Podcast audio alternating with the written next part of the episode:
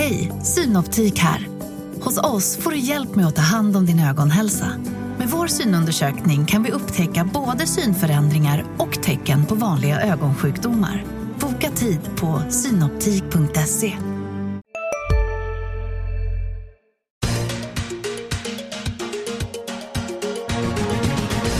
Hej och välkommen till Makrorådet, podden där vi pratar om de stora ekonomiska frågorna. Jag heter Viktor Munkhammar. Med mig idag har jag Annika Winst, chefsekonom på Nordea och Johan Javeus, analyschef på SEB. Välkomna hit båda två. Tack så mycket. I dessa Tack. stökiga marknadstider. Eh, det är den 7 februari och Eh, vi ska prata om eh, långränteuppgång och oron på marknaden såklart. Eh, vi ska också späcka lite inför Riksbankens räntebesked som kommer nästa vecka. Och det blir spaningar och veckans viktigaste. Men först tänkte jag bara helt kort det som kom nu på morgonen. Siffror från Riksgälden som ju bland annat sköter statens upplåning som visar att statens betalningar gick helt jämnt ut i januari. 0,0 var nettot och det var faktiskt första gången på länge som utfallet var lite svagare än prognosen. Riksgälden hade nämligen räknat med ett överskott på 2,3 miljarder. Johan, det här gick ju lite på tvärs mot hur det verkligen har sett ut länge nu, nämligen att, att det har kommit in mer pengar än Riksgälden har trott och Riksgälden reviderade ner eh, bedömningen av lånebehovet för i år i, i oktober. Eh, och ni tror att de kommer tvingas göra det en gång till om, om två veckor, eller hur? Ja, vi tror fortfarande att risken är att det kommer in mer pengar än vad man räknat med och det kommer att behövas ytterligare nedjusteringar av lånebehovet. Och då kommer det komma ut färre nya obligationer på marknaden som man får slåss om. Och dessutom ligger ju Riksbanken faktiskt fortfarande och köper eftersom de köper i förväg för förfall som ska komma nästa år. Ja, precis. Och eh, det här blir allt svårare att få gå ihop och eh, Riksgälden har helt enkelt för mycket pengar. Det är grundproblemet. Det kommer in för mycket pengar och eh, personligen så tycker jag att man någon gång måste börja fundera på, okej okay, men eh, man kanske ska fundera på att ta in lite mindre pengar då om det, istället för att fundera på vad ska man göra av allt som kommer in. Sänka skatterna? Ja, en sån crazy idé kan, kanske ja. man måste börja fundera på. Men ja. Det är intressant. Vi har ju val i år så att, eh, vem vet. Ja, Okej, okay. bra. Eh, vi får se. Det kommer alltså en, en, ny prognos från, från Riksgälden den 21 februari. Då får vi svaret på frågan hur de tänker sig att göra med emissionerna i år. Eh, den stora grejen på marknaderna är ju förstås den här eh, börsoron vi har sett. Nu har det studsat upp lite grann men det har varit rejäla fall. Eh, och bakgrunden där är ju stigande långräntor. Framförallt de amerikanska har fått uppmärksamhet men även i Sverige och Tyskland har ju långräntorna stigit. En mer aggressiv prissättning på Fed. Det som fick liksom bägarna rinna över på något sätt var ju den här eh, oväntat höga löneökningstakten i, i USA men det har ju pågått en längre tid, tid än så. Är det oro för inflation och stigande räntor? Är det effekten av det vi ser på börserna nu eller är det bara lite vinsthemtagning? Eller hur ska man tolka allt det här som händer Annika?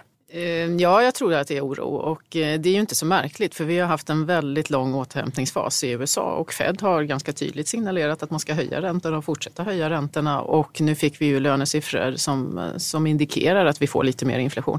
Men man beskriver det ju som man nu har någon inflationsbrasa. och Rubriken är ganska svarta men det är snarare så att vi går mot något normalt, något som vi har önskat, alltså det som centralbankerna har velat med all den här expansiva politiken. Så att, men för placerare och investerare så har ju, man har ju inte fått någon avkastning utan att ta ganska mycket risk. Och om man nu kan hitta ett alternativ där räntorna faktiskt går upp och eh, det motsvarar utdelningar och så vidare, då kommer några vilja skifta över sina portföljer mot eh, lite mindre risk, alltså köpa räntepapper istället. Och det är klart att eh, här får man ju prova sig fram. Det som vi har sett nu de senaste dagarna, det, det tror jag liksom är en första indikator. Men sen så kommer vi få nya lönesiffror och nya inflationssiffror och man kommer vara viktigt att lyssna på vad Fed säger. Eh, men jag tror att det här året blir stökigt för vi är på väg att göra det här skiftet från väldigt mycket risktagande till aningen mindre risktagande kan säga om nivåerna där att den amerikanska tioårsräntan var uppe på ungefär 2,8 procent. Eh, vilket ju inte är högt kanske i sig men eh, de nivåerna har vi inte sett sedan 2014. Eh. Nej och du får ju lite avkastning i alla fall på, på räntesidan ja. med de eh, nivåerna. Sen är det ju stor skillnad mot både Europa och Sverige. Tioårsräntan i Sverige är ju inte uppe på 1 procent ännu utan det är ju stor diskrepans däremellan. Ja, just det. Eh, Johan, de senaste åren, eller ganska länge egentligen, så har, har, har ju Fed varit väldigt försiktiga när det har blivit stök stökigt på marknaden. Man har backat lite, och tagit väldigt stor hänsyn till det. Nu vet vi ännu inte om det här vi har sett nu ska betraktas som ett stort marknadsstök. Det har bara gått några dagar och Feds nästa räntebesked kommer inte förrän den 21 mars. Så det finns ju tid. Men, men är, är det den reaktionen man ska räkna med från Fed även den här gången? Om det visar att det här är lite mera, eh, att det inte bara blåser över nu utan är lite mer. Eller tror att de är lite tuffare än de har varit tidigare? Jag tror absolut att vi ska räkna med den reaktionen om det här skulle fortsätta eller förvärras. Och skälet är att det finns, vi har fått en lönesiffra här nu förra veckan som var lite högre än vad de flesta förväntade sig. Och, eh, jag, jag har svårt att riktigt gå igång på det. Eh, vi har haft sådana här signaler vid, vid olika tillfällen tidigare och man har sagt att nu kommer lönetillväxten. Det är en januarisiffra den här gången. Det finns, jag har hört olika förklaringar till varför den blev hög nu och personligen skulle jag behöva mycket mer bevis för att säga att nu har vi fått igång en, en lönedriven inflation i USA. Va? Poängen av det här är att det finns idag ingen brådska för Fed att leverera snabba räntehöjningar. Och det gör att om vi nu skulle få en situation med väldigt mycket stök på marknaden så tror jag att det är väldigt enkelt för Fed egentligen att ta ett steg tillbaks. Och vänta. Och vänta, ja, precis. Som de har gjort. Som de har gjort tidigare. Ja. Sen så tror jag inte att man har något jättestort emot den här sättningen som vi fick eh, nu den här veckan. Utan någon sorts eh, moderering av de uppgångar som vi har haft på aktiemarknaden tror jag alla centralbanker är rätt tacksamma för. Annika, vad tror du om hur Fed reagerar på Ja, det det blir ju intressant eftersom vi har en ny Fed-chef, Powell. Ja, så vi, känner det ju inte, vi vet ju hur han har röstat tidigare, men då har han ju följt gällen väldigt väl. Men eh, det blir ju spännande att se eh, ifall han tar, tar någon annan ståndpunkt. Men min bedömning är också att eh, Fed kommer, vill ju inte knäcka det här på något sätt. Och man är fortfarande osäker om eh, hur, hur starkt det är. Men trenden är ju ändå åt rätt håll. Och om man backar för ett år tillbaks i tiden så var det ju få som trodde på tre höjningar och nu pratar man om fyra höjningar. Så det är klart att vi har ju kommit mycket längre i konjunkturförloppet och det gör ju att det talar mer mot att man faktiskt fortsätter. Vi har, vi har en mer mogen ekonomi och konjunktur idag än vad vi hade för ett år sedan till exempel. Ja. Två andra faktorer som inte har nämnts så mycket i den här oron är ju dels det här eh, skattepaketet som röstades igenom i, i december som man lyfter fram de liksom gynnsamma effekterna för företagen och kanske också för tillväxten. Men det kommer ju också att öka den amerikanska statsskulden med tusen miljarder dollar som då ska lånas upp. En annan att eh, Fed ju med början i höstas faktiskt har börjat inte bara sluta köpa utan börjat banta, dra ner på balansräkningen. Eh, hur, vad spelar de två eh, faktorerna för roll tror du? Jo, det, allt läggs samman utifrån ett marknadsperspektiv och man följer det här noggrant på alla eh, olika fronter. Men det som jag tror eh, har överraskat lite grann det är ju liksom, nu kommer det lite siffror här som faktiskt också indikerar och det är det man har reagerat på. Det här som du tar upp, det har vi ju funderat på i marknaden väldigt länge. Hur ska man backa tillbaks? Hur snabbt kommer man gå fram? Och där tror jag att centralbankerna alla har lärt sig väldigt mycket från krisen att hellre vara försiktig än att gå för hårt fram. Ingen vill knäcka det här. Dollarn har stärkts lite här de, de senaste dagarna. Annars så har det ju varit en lite udda reaktion kan man tycka. Att vi har fått liksom förväntningar på ett, ett mer aggressiv centralbank. Eh, vi har haft stigande, stigande långräntor och ändå har dollarn försvagats ganska kraftigt. Johan, du är ju gammal valutastrateg. Hur ska man eh, förstå det? Att eh, folk tror att centralbanken ska höja mer och ändå försvagas valutan? Ja, det är inte så lätt att förstå därför normalt brukar det vara precis tvärtom. Men det sambandet, alltså det normala sambandet har inte fungerat under hela förra året. Så att eh, uppenbarligen så finns det andra krafter som är viktigare för dollarn än just den här divergerande centralbankspolitiken som vi har i dagsläget. Och eh, vad vi har pekat på är väl en, en faktor som vi tror spelar roll. Eh, det är det här med att eh, vi har sett under ett antal år sedan eurokrisen att eh, centralbanker världen över har viktat ner sina, sina eurotillgångar. Eurons vikt i, i deras valutareserver har gått ner. Och nu går det ju bra i Europa och de flesta politiska orosmolnen ser ju ut att vara, vara lösta. Och snarast är det ju så att det här eurosamarbetet och eurotanken har fått en, en vitamininjektion här för, under förra året. Och då tror vi att det här, den här processen är, är på väg att vända tillbaks. Och det kan potentiellt sett innebära rätt så stora inflöden då till andra valutor, kanske framförallt euron då, då, men då på bekostnad av dollarn. Så det är en sån här faktor som skulle kunna eh, peka för en svagare dollar och mot att vi skulle få en dollarförstärkning.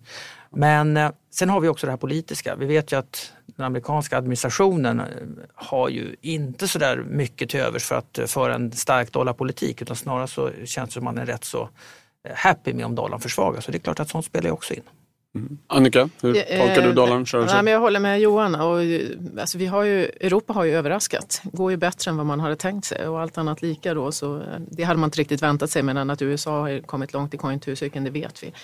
Så att det är snarare rörelser utifrån det. Men sen tror jag också att det handlar lite grann om att allt går bra idag. Eh, eller har gjort tills de senaste dagarna. Det vill säga att då behöver man inte ha dollar. Dollar är en safe haven-valuta. Då kan man investera i lite annat också. Så att det finns flera parametrar som spelar in. Ja, Okej, okay. då har vi löst det lilla mysteriet kanske. Vi går vidare. Om en vecka så kommer Riksbanken med ett eh, räntebesked. Eh, det har varit eh, väldigt liknande tongångar de senaste gångerna. Vad är det vi har att vänta på onsdag från Stefan Ingves och hans kollegor? Annika? Ja, det blir väldigt spännande för eh, innan har man ju kunnat säga att vi ska höja räntan långt där borta. Eh, mm. Men nu är sommaren inte särskilt långt bort så att eh, om man ska flagga för en räntehöjning så är det ju senast i april men kanske redan då nu i februari. Och då har man fått lite olika indikationer. Dels fick vi då löner som jag tror var en ganska jobbig siffra för Riksbanken. Alltså lönerna kommer in lägre och då är det svårt att få upp inflationen. Å andra sidan har vi det som vi har pratat om innan, alltså räntorna har ju kommit upp lite grann i, i världen. Så vi har liksom två olika vågskålar här. Men, men om det är så att de vill stå fast vid att man ska höja räntan i, till sommaren, vilket är deras eh, besked hittills, då kommer alla ledamöter behöva fundera lite mer noggrant över hur de faktiskt ställer sig till det här. Och jag tror kanske inte att vi får se i februari att man blottar sig, men de måste i alla fall börja tänka på det nu och därför kommer det vara nog, eh, viktigt att läsa vad de säger och hur de uttrycker sig. En som har låtit väldigt högaktig, dels i protokollet från december men också i tal, är Henry Olsson som har sagt mer eller mindre att han skulle kunna tänka sig att höja ja, antingen nu i februari eller i april. Ska, finns det någon möjlighet att han... Hej, Ulf Kristersson här. På många sätt är det en mörk tid vi lever i. Men nu tar vi ett stort steg för att göra Sverige till en tryggare och säkrare plats. Sverige är nu medlem i Nato. En för alla, alla för en. Har du också valt att bli egen? Då är det viktigt att skaffa en bra företagsförsäkring. Hos oss är alla småföretag stora och inga frågor för små. Swedeas företagsförsäkring är anpassad för mindre företag och täcker även sånt som din hemförsäkring inte täcker. Gå in på swedea.se företag och jämför själv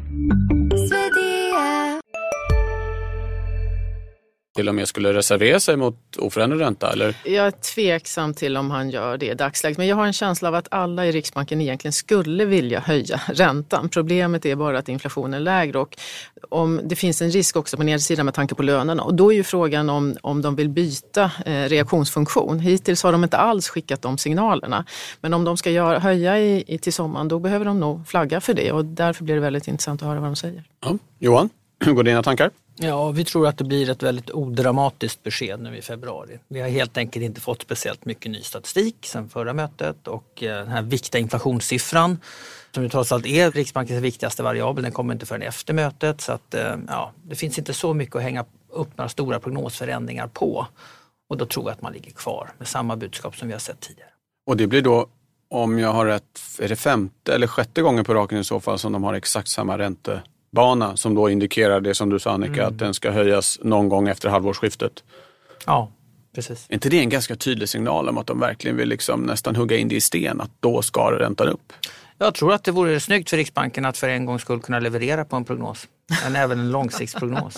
ja, du skrattar Annika. ja. Nej, vår bedömning är att man inte kommer höja räntan och det bygger ju på att man inte kommer att få upp inflationen. Men eh, om man ska höja så behöver man ändra sin reaktionsfunktion och att Stefan Ingves sitter kvar, vilket har drivit den här politiken och att man inte har skickat de signalerna hittills eh, tycker jag talar för att, eh, att man, man avvaktar helt enkelt. Men... Så er prognos är att det blir oktober? Va? Nej, det, vi har ingen höjning det här året alls. Jaha, okej. Okay. Ja, ja. 2019. Ja, okay. Ja. Lönerna kommer att vara jobbiga. Ja. Lönerna ingår ju inte i inflationen men de är ju oerhört viktiga för inflationen. Allt vi köper har ju ett antal löner bakom sig. Just det, ska vi dra den här löneprognosen bara när vi har pratat så mycket om det. Det, var, det kom ju statistik här för januari till och med november och Medlingsinstitutet gjorde en prognos också för helåret 2017 som visar att lönerna då eh, ökade med 2,5 procent och Riksbankens prognos låg väl på 2,7 för fjolåret och de har tänkt sig att eh, takten ska upp till 3-3,5 både i år och nästa år. Så det är ett gap där på en procentenhet nästan. Ja, Riksbanken gör ju inga löneprognoser utan det faller in. Man stoppar in en massa indikatorer och så faller lönerna mer eller mindre ut. Men det som har varit eh, anmärkningsvärt är att Riksbanken har haft högre löner än vad facken har begärt och det är ju ganska osannolikt att man skulle hamna i den situationen. Så jag tror att Riksbanken ligger för högt vad gäller lönerna. Ja, Okej, okay. bra. Om en vecka vet vi. Då ska vi gå vidare till eh, spaningen. Annika, vad har du tänkt att man bör hålla ögonen på som inte riktigt kanske dyker upp på skärmarna sådär dagligdags? Mm. Jag tycker vi har hamnat i ett väldigt ängsligt eh, samhälle där man snarare släcker bränder och i ett vindflöje än att ta långsiktiga strukturella åtgärder. Och det är allt från när man hanterar det politiska spelet till regelverk och så vidare. Och om vi börjar med politiken så alltså alla svenskar vill förstås att vi ska ha ett hållbart samhälle och att miljö är en viktig fråga. Men i de här diskussionerna har man kastat ut ekonomerna. Eh, utan här, eh, här funderar man bara på vad är det som passar och vad är det som låter bra och så vidare. Det tycker jag är väldigt oroväckande. Det finns ju forskning på KTH och så vidare som indikerar vad man bör göra. Skattesystemet, alla ekonomer är i stort sett överens om vad man ska göra. Eh, jag tror att politikerna också vet vad man borde göra men det är ingenting man pratar om eh, Då måste utåt. du bara säga vad, vad är det alla ekonomer är överens om för det kanske inte alla vet. Nej, dels så tror jag att eh, de flesta ekonomer är överens om att man borde ha någon form av fastighetsskatt. Eh, inte som den såg ut innan men vi behöver ha en skattebas eh, i framtiden och då är det också dumt att beskatta eh, skatter som är rörliga, det vill säga arbete. Marginalskatterna är ett bekymmer i den miljön så det har varit bättre att skifta där. Men det finns flera olika aspekter och tittar man på pensionssystemet, det är klart att valfrihet är bra, men till vilket pris? Här behöver vi också diskutera hur det ser ut och med tanke på de händelser som har varit det senaste, eller förra året vad gäller pensionssparande och så vidare. Så det finns ett antal olika sådana här ämnen där man faktiskt bara snuttifierar och man lyssnar på de politiska partierna så pratar man om någon miljon här eller en halv miljard där. Alltså det är ju småpengar. Spelar någon roll vem som vinner valet? Jag tror faktiskt inte att det gör det på kort sikt för att man är så otroligt lika. Och det är olyckligt för Sverige hade kunnat ha förutsättningar att eh, föra en mer långsiktig politik, ta tag i de svåra strukturella utmaningarna som, som vi har och eh, det gör man inte. Integrationen är en annan sån fråga. Man hattar en hit och en dit beroende på hur vinden blåser och och eh, var eh, väljarna tycks stå. Och jag tycker att ett ledarskap det är ju att måla upp en, en väg, en riktning på fem år. Vad vill man, vad ska vi? Och det ser vi väldigt lite av. Finansbranschen har precis eh, vid årsskiftet fått ett nytt stort regelverk, Mifid 2. Eh, jag upplever lite samma sak. Man är ängslig, rensa mitt bord. Bara det inte är problem här så skickar det vidare. Eh, och det betyder att politiker i EU skickar beslut vidare till Sverige som går på Finansinspektionen, Bankföreningen, bankerna och sen står kunden där och får betala för någonting som är bra i vissa avseenden men långt ifrån i alla avseenden. Och ingen tar det här helhetsperspektivet och det är samhällsekonomiskt ett problem och en utmaning. Och det finns några professorer som är ute och skriver debattartiklar men jag skulle önska att vi tillbaks till en tid för ett par decennier sedan. Då var det ju akademikerna som drev agendorna i hållbarhetsfrågor, miljö, integration, eh, skatter och så vidare. Och sen får lobbyisterna vara där och peta. Och sen så får man igång en debatt. Men eh, vi har alldeles för lite av forskningen i besluten idag. Har du någon idé om vad det här skiftet eh, beror på? Att akademikerna inte syns så mycket tror jag handlar om deras incitament. De får betalt för att bli citerade i stora globala tidningar och det är det som är viktigt. Men ur ett svenskt perspektiv och ett samhällsperspektiv så har vi stort behov av att veta var forskningen står, vad man tycker och tänker. Och, eh, det är viktigt, medan politikerna hamnat i, dels i medias garn där man driver och man då släcker bränder, men också i, i, i den snuttifierade kommunikation som människor emellan har med, med alla de nätverk som finns som är väldigt kortsiktiga idag och det är olyckligt. Ja, det var dystert. Johan, har du någon kommentar på Annikas Ja, spaning? jag måste säga att jag håller nog med om nästan allt. Utom möjligen den här, det här påståendet att alla ekonomer är överens, för det har mig vetligen aldrig hänt. Nej, men sanning med modifikation. Men, men i grova drag så vet man nog ungefär vad man bör göra. Ja, Okej, okay. tack för det. Johan, vad har du med dig? Ja, eh, det är ju val i år och eh, jag håller med eh, det som Annika sa, att jag tror inte att valet kommer spela speciellt mycket roll för, för finansiella marknader i stort. Eh, Sverige är, eh, är alldeles för stabilt och det finns ändå en relativt stor konsensus kring de här viktiga frågorna som skulle kunna röra till det på, på finansiella marknader. Eh, men det, det, det, betyder inte att det valet är ointressant och eh, Eh, en liten spaning eh, om valet och den svenska kronan tycker jag man kan lyfta fram.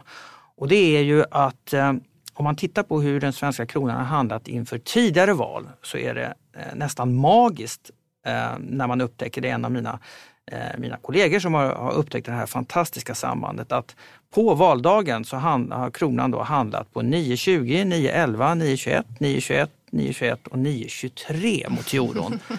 Ända tillbaks till 1994, vilket ju är det första valet då vi hade en, en fri kron, kronkurs egentligen. Och givet att vi då idag befinner oss på 9,85 så finns det ju en fantastisk resa vi har framför oss då fram till valdagen. Uh, nu ska man kanske inte hänga upp hela sin valutaprognos på just det här sambandet, men jag tycker ändå det är intressant att lyfta fram.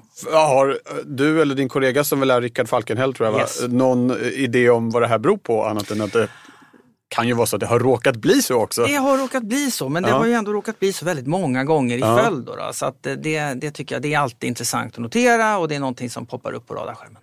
Ja, okej. Okay. Så att eh, det finns en, en val, valårseffekt i krona-eurokurserna ja, alltså, som nu det, talar för en rejäl förstärkning ja, av det kronan. Verkar, det verkar vara så. Sen har ju åtminstone vi, vi har ju den prognosen att Riksbanken också ska leverera en höjning där eh, innan valet och det är klart att det, det skulle kunna hjälpa till lite också. Ja, apropå det, nu bara tar jag mig helt friheten att byta. Det, det, det, är ju så att den här eh, Riksbankens räntebana visar ju då en höjning någon gång efter årsskiftet. Juli eller september. Tittar man närmare på den så borde det vara september. Och visst är det så att räntebeskedet ligger bara tre eller fyra dagar före valet. Kan det vara en faktor rent av? Man brukar säga att centralbanker ska ligga lågt inför val. Å andra sidan så som du säger, det är ett ganska stabilt läge ändå, enighet kring stora frågor i Sverige. Men är det en faktor som man ska räkna med? Jag tror inte det. Nej. Jag tror det, det är nog mer en slump. Ja. Ja, Annika, vad säger du om det här? Eh, mellan 9.11 och 9.23 eh, ja, i Ska kronan stärka så där mycket till valet då, då kommer det ju bli jobbigt med inflationen. Ja. Och en utmaning eh, att han hanterar det för Riksbanken. Ja. Okej, okay, eh, bra. Då ska vi hålla ögonen på kronan. Det gör vi förstås alltid ändå. Då går vi vidare till den sista delen, nämligen veckans viktigaste, den statistikpunkt eller det tal eller den händelse man absolut inte får missa att hålla koll på den allra närmaste tiden. Annika, vad är veckans viktigaste? Mm, jag tänkte göra ett potpurri på alla hjärtans dag. Den 14 Jaha. så får vi dels mäklarstatistik som nu har blivit det absolut viktigaste att titta på nästintill och månadsdata och sen har vi ju Prospera, inte den stora men en ändå eh, indikationer om inflationen och så får vi Riksbanksbesked och alla de tre hänger ju väldigt tajt ihop. Ja, Just det, så då, då brakar det loss ordentligt förmiddagen den 14 februari. Ja, från ett svenskt perspektiv. Johan? Och, och jag har Valueguard som då också, om jag kommer ihåg rätt, är den 14 februari. Huspriserna, eh, både mäklarstatistik och Valueguard ja, är det. Precis, det bostadspriser. Då, då. Mm. Och eh, där ska man hålla koll på, mm, i princip så bör vi väl se en, eh, allting över plus 2,5 procent i månadstakt innebär då en eh, ökning av fastighetspriserna om man så att säga säsongrensar. Just det, för det finns ju en stark säsongseffekt att priserna ja. alltid Så skulle vi få en siffra då som är under 2,5 procent, då kan vi säga att då har priserna fortsatt att falla. Ja, just det. Bra! Onsdag nästa vecka då helt enkelt. Man kan somna om fram till dess kanske och, och, så vakna till där på förmiddagen. Eh, tack ska ni ha, Annika och Johan. Tack ska du ha som har lyssnat. Eh, Makrorådet är tillbaka den 21 februari och fram till dess kan man också lyssna på andra poddar från Dagens Industri. Man kan lyssna på Digitalpodden som behandlar allt i den digitala ekonomin. Man kan lyssna på Förnuft och känsla som är en ledarskapspodd och varje fredag Analyspodden där vi går igenom det viktigaste som har hänt på finansmarknaderna under veckan som gått. Eh, men vi är som sagt tillbaka den 21 februari. Ha det gott så länge. Hej hej! Makrorådet från Dagens Industri. Podden klipps av Umami Produktion. Ansvarig utgivare Lotta Edling.